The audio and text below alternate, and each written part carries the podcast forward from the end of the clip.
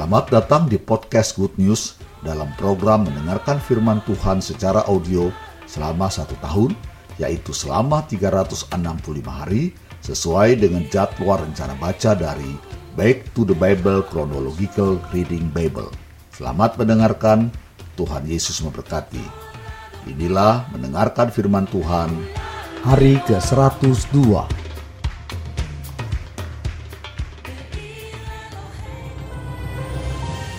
1 Samuel pasal 15 ayat 1 sampai 35. Saul ditolak sebagai raja. Berkatalah Samuel kepada Saul, Aku telah diutus oleh Tuhan untuk mengurapi engkau menjadi raja atas Israel umatnya. Oleh sebab itu dengarkanlah bunyi firman Tuhan. Beginilah firman Tuhan semesta alam. Aku akan membalas apa yang dilakukan orang Amalek kepada orang Israel. Karena orang Amalek menghalang-halangi mereka, ketika orang Israel pergi dari Mesir. Jadi pergilah sekarang, kalahkanlah orang Amalek, tumpaslah segala yang ada padanya, dan janganlah ada belas kasihan kepadanya. Bunuhlah semuanya, laki-laki maupun perempuan, kanak-kanak maupun anak-anak yang menyusu, lembu maupun domba, unta maupun keledai. Lalu Saul memanggil rakyat berkumpul dan memeriksa barisan mereka di Telaim ada 200 ribu orang pasukan berjalan kaki dan 10 ribu orang Yehuda. Setelah Saul sampai ke kota orang Amalek, disuruh nyala orang-orang menghadang di lembah. Berkatalah Saul kepada orang Keni, Berangkatlah, menjauhlah, pergilah dari tengah-tengah orang Amalek, supaya jangan kulenyapkan kamu bersama-sama dengan mereka. Bukankah kamu telah menunjukkan persahabatanmu kepada semua orang Israel ketika mereka pergi dari Mesir?' Sesudah itu menjauhlah orang Keni dari tengah-tengah orang Amalek. Lalu Saul memukul kalah orang Amalek mulai dari Hawila sampai ke Syur yang di sebelah timur Mesir. Agak, raja orang Amalek, ditangkapnya hidup-hidup, tetapi segenap rakyatnya ditumpasnya dengan mata pedang. Tetapi Saul dan rakyatnya itu menyelamatkan Agak dan kambing domba dan lembu-lembu yang terbaik dan tambun. Pula anak domba dan segala yang berharga, tidak mau mereka menumpas semuanya itu, tetapi segala hewan yang tidak berharga dan yang buruk, itulah yang ditumpas mereka. Lalu datanglah firman Tuhan kepada Samuel demikian. Aku menyesal karena aku telah menjadikan Saul raja, sebab ia telah berbalik daripada aku dan tidak melaksanakan firmanku. Maka sakit hatilah Samuel, dan ia berseru-seru kepada Tuhan semalam-malaman. Lalu Samuel bangun pagi-pagi untuk bertemu dengan Saul. Tetapi diberitahukan kepada Samuel demikian, Saul telah ke Karmel tadi, dan telah didirikannya baginya suatu tanda peringatan. Kemudian ia balik dan mengambil jurusan ke Gilgal. Ketika Samuel sampai kepada Saul, berkatalah Saul kepadanya, Diberkatilah kiranya engkau oleh Tuhan, aku telah melaksanakan firman Tuhan. Tetapi kata Samuel, kalau begitu, apakah bunyi kambing domba yang sampai ke telingaku dan bunyi lembu-lembu yang kudengar itu? Jawab Saul, semuanya itu dibawa daripada orang Amalek, sebab rakyat menyelamatkan kambing domba dan lembu-lembu yang terbaik dengan maksud untuk mempersembahkan korban kepada Tuhan Allahmu. Tetapi selebihnya telah kami tumpas.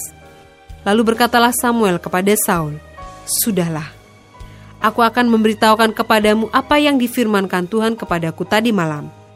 Kata Saul kepadanya, katakanlah. Sesudah itu berkatalah Samuel, bukankah engkau, walaupun engkau kecil pada pemandanganmu sendiri, telah menjadi kepala atas suku-suku Israel? Dan bukankah Tuhan telah mengurapi engkau menjadi raja atas Israel? Tuhan telah menyuruh engkau pergi dengan pesan, pergilah tumpaslah orang-orang berdosa itu, yakni orang Amalek, berperanglah melawan mereka sampai engkau membinasakan mereka. Mengapa engkau tidak mendengarkan suara Tuhan? Mengapa engkau mengambil jarahan dan melakukan apa yang jahat di mata Tuhan? Lalu kata Saul kepada Samuel, Aku memang mendengarkan suara Tuhan dan mengikuti jalan yang telah disuruh Tuhan kepadaku. Dan aku membawa Agak, raja orang Amalek, tetapi orang Amalek itu sendiri telah kutumpas. Tetapi rakyat mengambil dari jarahan itu kambing domba dan lembu-lembu yang terbaik dari yang dikhususkan untuk ditumpas itu untuk mempersembahkan korban kepada Tuhan Allahmu di Gilgal. Tetapi jawab Samuel, Apakah Tuhan itu berkenan kepada korban bakaran dan korban sembelihan sama seperti kepada mendengarkan suara Tuhan? Sesungguhnya, mendengarkan lebih baik daripada korban sembelihan, memperhatikan lebih baik daripada lemak domba-domba jantan. Sebab pendurhakaan adalah sama seperti dosa bertenung, dan kedegilan adalah sama seperti menyembah berhala dan terafim. Karena engkau telah menolak firman Tuhan, maka ia telah menolak engkau sebagai raja. Berkatalah Saul kepada Samuel, Aku telah berdosa, sebab telah kulangkahi titah Tuhan dan perkataanmu. Tetapi aku takut kepada rakyat, karena itu aku mengabulkan permintaan mereka. Maka sekarang, ampunilah kiranya dosaku, kembalilah bersama-sama dengan aku, maka aku akan sujud menyembah kepada Tuhan. Tetapi jawab Samuel kepada Saul, Aku tidak akan kembali bersama-sama dengan engkau, sebab engkau telah menolak firman Tuhan.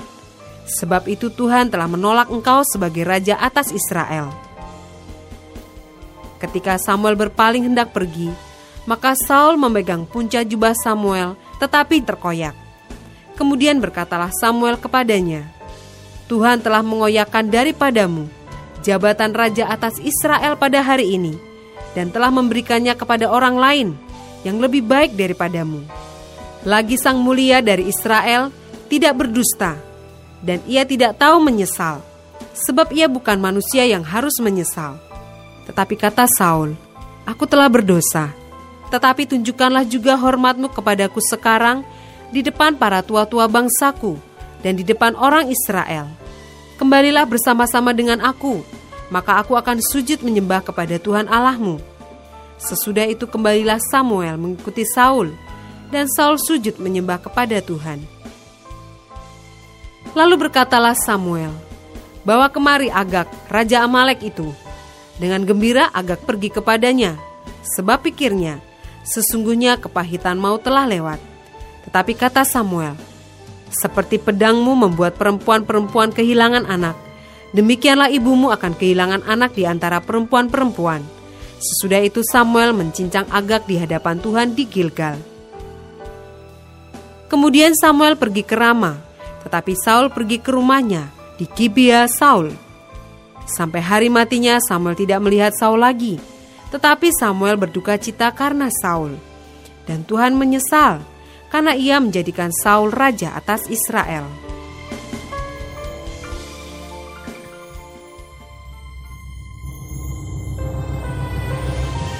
Satu Samuel pasal 16 ayat 1 sampai 13. Daud diurapi menjadi raja. Berfirmanlah Tuhan kepada Samuel, Berapa lama lagi engkau berduka cita karena Saul? Bukankah ia telah kutolak sebagai raja atas Israel? Isilah tabung tandukmu dengan minyak dan pergilah. Aku mengutus engkau kepada Isai, orang Bethlehem itu, sebab di antara anak-anaknya telah kupilih seorang raja bagiku. Tetapi Samuel berkata, Bagaimana mungkin aku pergi? Jika Saul mendengarnya, ia akan membunuh aku. Firman Tuhan, bawalah seekor lembu muda dan katakan, Aku datang untuk mempersembahkan korban kepada Tuhan. Kemudian undanglah Isai ke upacara pengorbanan itu. Lalu aku akan memberitahukan kepadamu apa yang harus kau perbuat. Urapilah bagiku orang yang akan kusebut kepadamu. Samuel berbuat seperti yang difirmankan Tuhan, dan tibalah ia di kota Bethlehem. Para tua-tua di kota itu datang mendapatkannya dengan gemetar dan berkata, Adakah kedatanganmu ini membawa selamat? Jawabnya, Ya benar, aku datang untuk mempersembahkan korban kepada Tuhan. Kuduskanlah dirimu, dan datanglah dengan daku ke upacara pengorbanan ini. Kemudian ia menguduskan Isai dan anak-anaknya yang laki-laki dan mengundang mereka ke upacara pengorbanan itu. Ketika mereka itu masuk dan Samuel melihat Eliab, lalu pikirnya, sungguh di hadapan Tuhan sekarang berdiri yang diurapinya. Tetapi berfirmanlah Tuhan kepada Samuel, janganlah pandang parasnya atau perawakannya yang tinggi, sebab aku telah menolaknya. Bukan yang dilihat manusia yang dilihat Allah. Manusia melihat apa yang di depan mata, tetapi Tuhan melihat hati. Lalu Isai memanggil Abinadab dan menyuruhnya lewat di depan Samuel. Tetapi Samuel berkata, orang ini pun tidak dipilih Tuhan. Kemudian Isai menyuruh Syama lewat, tetapi Samuel berkata, orang ini pun tidak dipilih Tuhan. Demikianlah Isai menyuruh ketujuh anaknya lewat di depan Samuel. Tetapi Samuel berkata kepada Isai, semuanya ini tidak dipilih Tuhan. Lalu Samuel berkata kepada Isai, Inikah anakmu semuanya? Jawabnya, masih tinggal yang bungsu, tetapi sedang mengembalakan kambing domba. Kata Samuel kepada Isai, suruhlah memanggil dia, sebab kita tidak akan duduk makan sebelum ia datang kemari. Kemudian disuruh nyala menjemput dia. Ia kemerah-merahan, matanya indah dan parasnya elok. Lalu Tuhan berfirman, Bangkitlah, urapilah dia, sebab inilah dia. Samuel mengambil tabung tanduk yang berisi minyak itu dan mengurapi Daud di tengah-tengah saudara-saudaranya. Sejak hari itu dan seterusnya, berkuasalah roh Tuhan atas Daud. Lalu berangkatlah Samuel menuju Rama.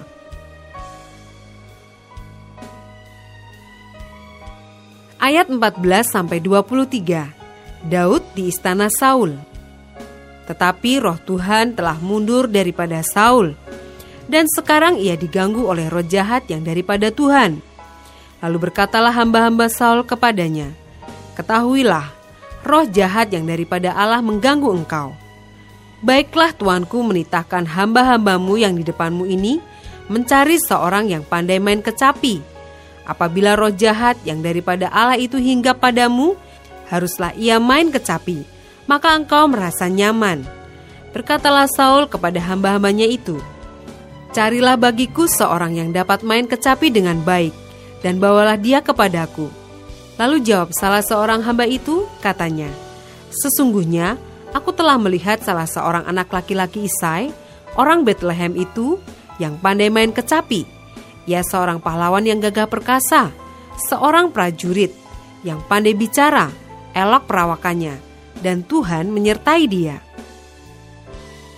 Kemudian Saul mengirim utusan kepada Isai dengan pesan, Suruhlah kepadaku anakmu Daud yang ada pada kambing dombamu itu. Lalu Isai mengambil seekor keledai yang dimuati roti, sekirbat anggur, dan seekor anak kambing, maka dikirimnyalah itu kepada Saul dengan perantaraan Daud anaknya. Demikianlah Daud sampai kepada Saul dan menjadi pelayannya. Saul sangat mengasihinya, dan ia menjadi pembawa senjatanya. Sebab itu Saul menyuruh orang kepada Isai mengatakan, Biarkanlah Daud tetap menjadi pelayanku, sebab aku suka kepadanya.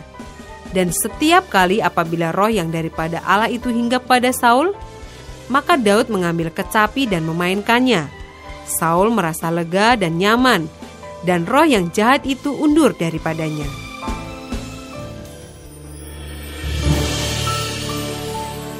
Satu Samuel pasal 17 ayat 1 sampai 11.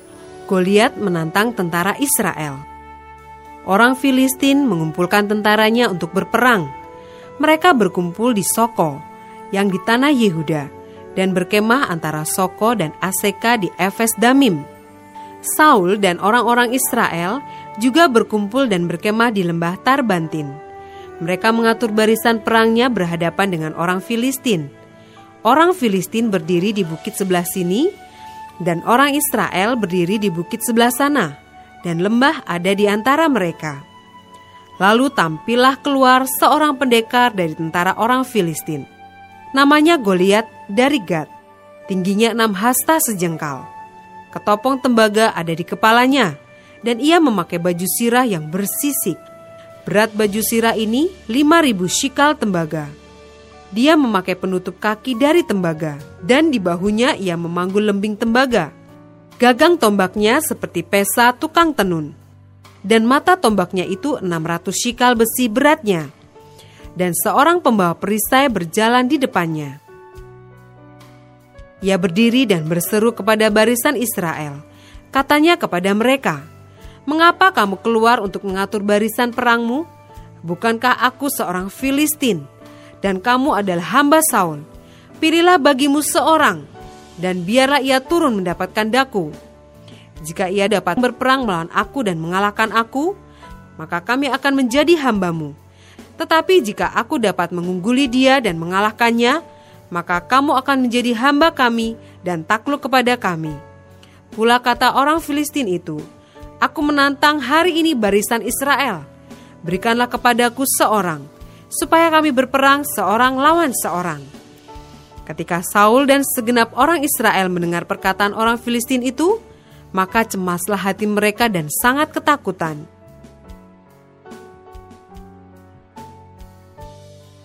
Ayat 12 sampai 39. Daud tiba di medan pertempuran.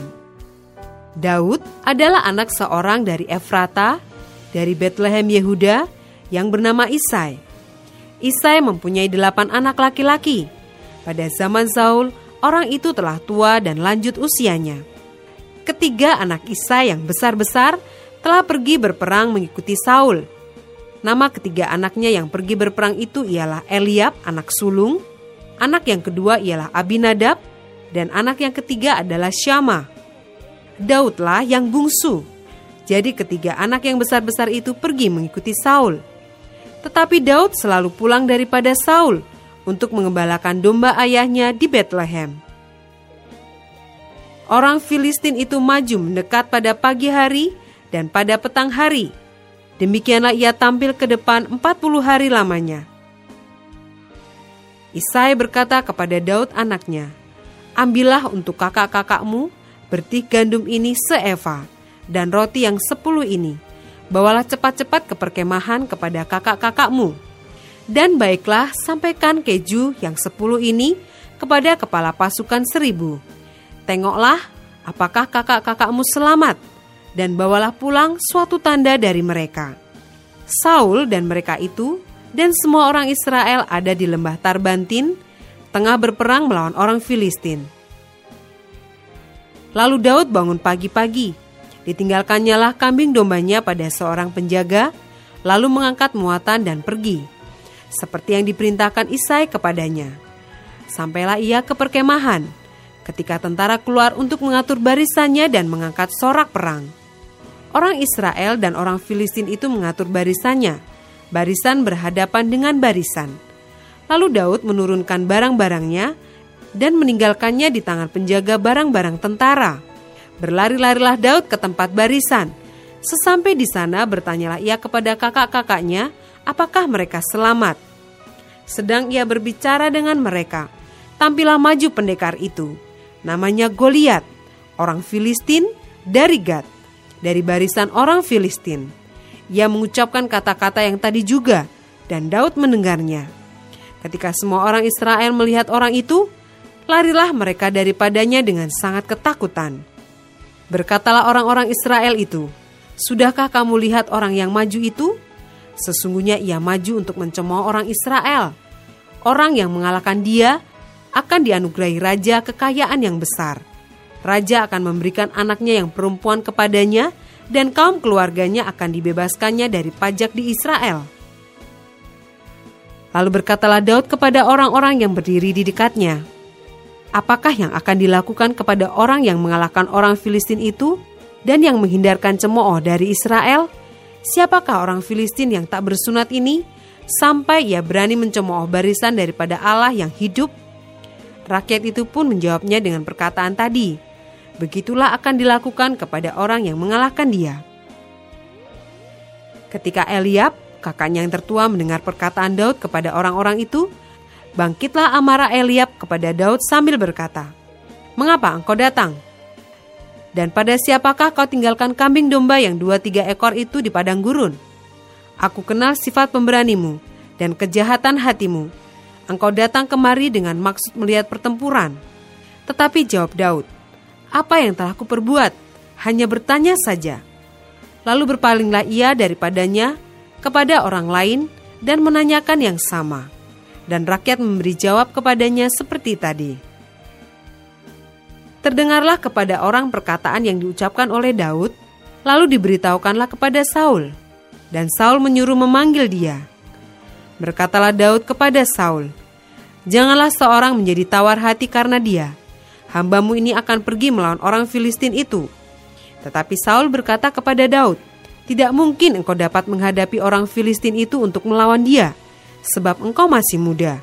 Sedang dia sejak dari masa mudanya telah menjadi prajurit. Tetapi Daud berkata kepada Saul, Hambamu ini biasa mengembalakan kambing domba ayahnya.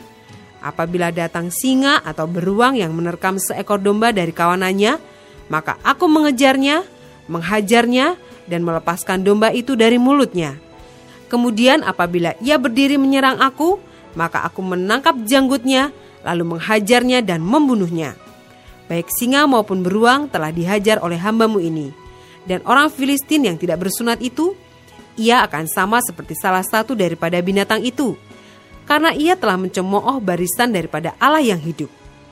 Pula kata Daud, Tuhan yang telah melepaskan aku dari cakar singa dan dari cakar beruang, dia juga akan melepaskan aku dari tangan orang Filistin itu. Kata Saul kepada Daud, Pergilah, Tuhan menyertai engkau. Lalu Saul mengenakan baju perangnya kepada Daud. Ditaruhnya ketopong tembaga di kepalanya dan dikenakannya baju sirah kepadanya. Lalu Daud mengikatkan pedangnya di luar baju perangnya. Kemudian ia berikhtiar berjalan, sebab belum pernah dicobanya. Maka berkatalah Daud kepada Saul, Aku tidak dapat berjalan dengan memakai ini, sebab belum pernah aku mencobanya. Kemudian ia menanggalkannya.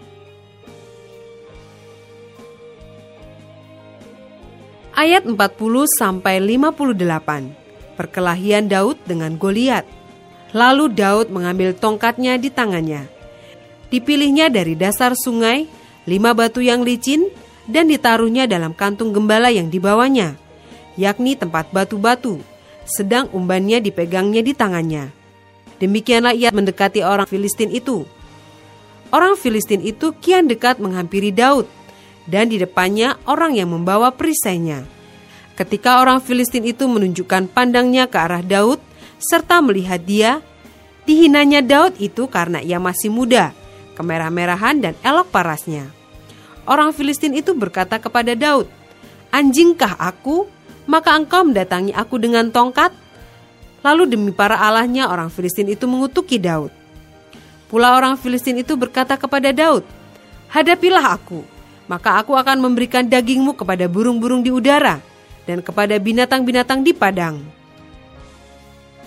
Tetapi Daud berkata kepada orang Filistin itu, Engkau mendatangi aku dengan pedang dan tombak dan lembing. Tetapi aku mendatangi engkau dengan nama Tuhan semesta alam, Allah segala barisan Israel yang kau tantang itu. Hari ini juga Tuhan akan menyerahkan engkau ke dalam tanganku, dan aku akan mengalahkan engkau, dan memenggal kepalamu dari tubuhmu. Hari ini juga aku akan memberikan mayatmu dan mayat tentara orang Filistin kepada burung-burung di udara dan kepada binatang-binatang liar, supaya seluruh bumi tahu bahwa Israel mempunyai Allah, dan supaya segenap jemaah ini tahu bahwa Tuhan menyelamatkan bukan dengan pedang dan bukan dengan lembing, sebab di tangan Tuhanlah pertempuran, dan ia pun menyerahkan kamu ke dalam tangan kami. Ketika orang Filistin itu bergerak maju untuk menemui Daud, maka segeralah Daud berlari ke barisan musuh untuk menemui orang Filistin itu. Lalu Daud memasukkan tangannya dalam kantongnya. Diambilnyalah sebuah batu dari dalamnya. Diumbannya, maka kenalah dahi orang Filistin itu, sehingga batu itu terbenam ke dalam dahinya dan terjerumuslah ia dengan mukanya ke tanah. Demikianlah Daud mengalahkan orang Filistin itu dengan umban dan batu. Ia mengalahkan orang Filistin itu dan membunuhnya tanpa pedang di tangan. Daud berlari mendapatkan orang Filistin itu, lalu berdiri di sebelahnya. Diambilnyalah pedangnya, dihunusnya dari sarungnya, lalu menghabisi dia. Dipancungnyalah kepalanya dengan pedang itu. Ketika orang-orang Filistin melihat bahwa pahlawan mereka telah mati, maka larilah mereka. Maka bangkitlah orang-orang Israel dan Yehuda, mereka bersorak-sorak, lalu mengejar orang-orang Filistin sampai dekat Gad dan sampai pintu gerbang Ekron. Dan orang-orang yang terbunuh dari orang Filistin berkelimpangan di jalan ke Saaraim sampai Gad dan sampai Ekron. Kemudian pulanglah orang Israel dari pemburuan hebat atas orang Filistin, lalu menjarah perkemahan mereka. Dan Daud mengambil kepala orang Filistin yang dipancungnya itu dan membawanya ke Yerusalem. Tetapi senjata-senjata orang itu ditaruhnya dalam kemahnya. Ketika Saul melihat Daud pergi menemui orang Filistin itu, berkatalah ia kepada Abner, panglima tentaranya, "Anak siapakah orang muda itu, Abner?" Jawab Abner, "Demi tuanku hidup ya raja, sesungguhnya aku tidak tahu." Kemudian raja berkata, "Tanyakanlah, anak siapakah orang muda itu?" Ketika Daud kembali sesudah mengalahkan orang Filistin itu, maka Abner memanggilnya dan membawanya menghadap Saul. Sedang kepala orang Filistin itu masih ada di tangannya. Kata Saul kepadanya, Anak siapakah engkau ya orang muda? Jawab Daud, anak hamba tuanku Isai, orang Bethlehem itu. Selamat, saudara sudah mendengarkan firman Tuhan hari ini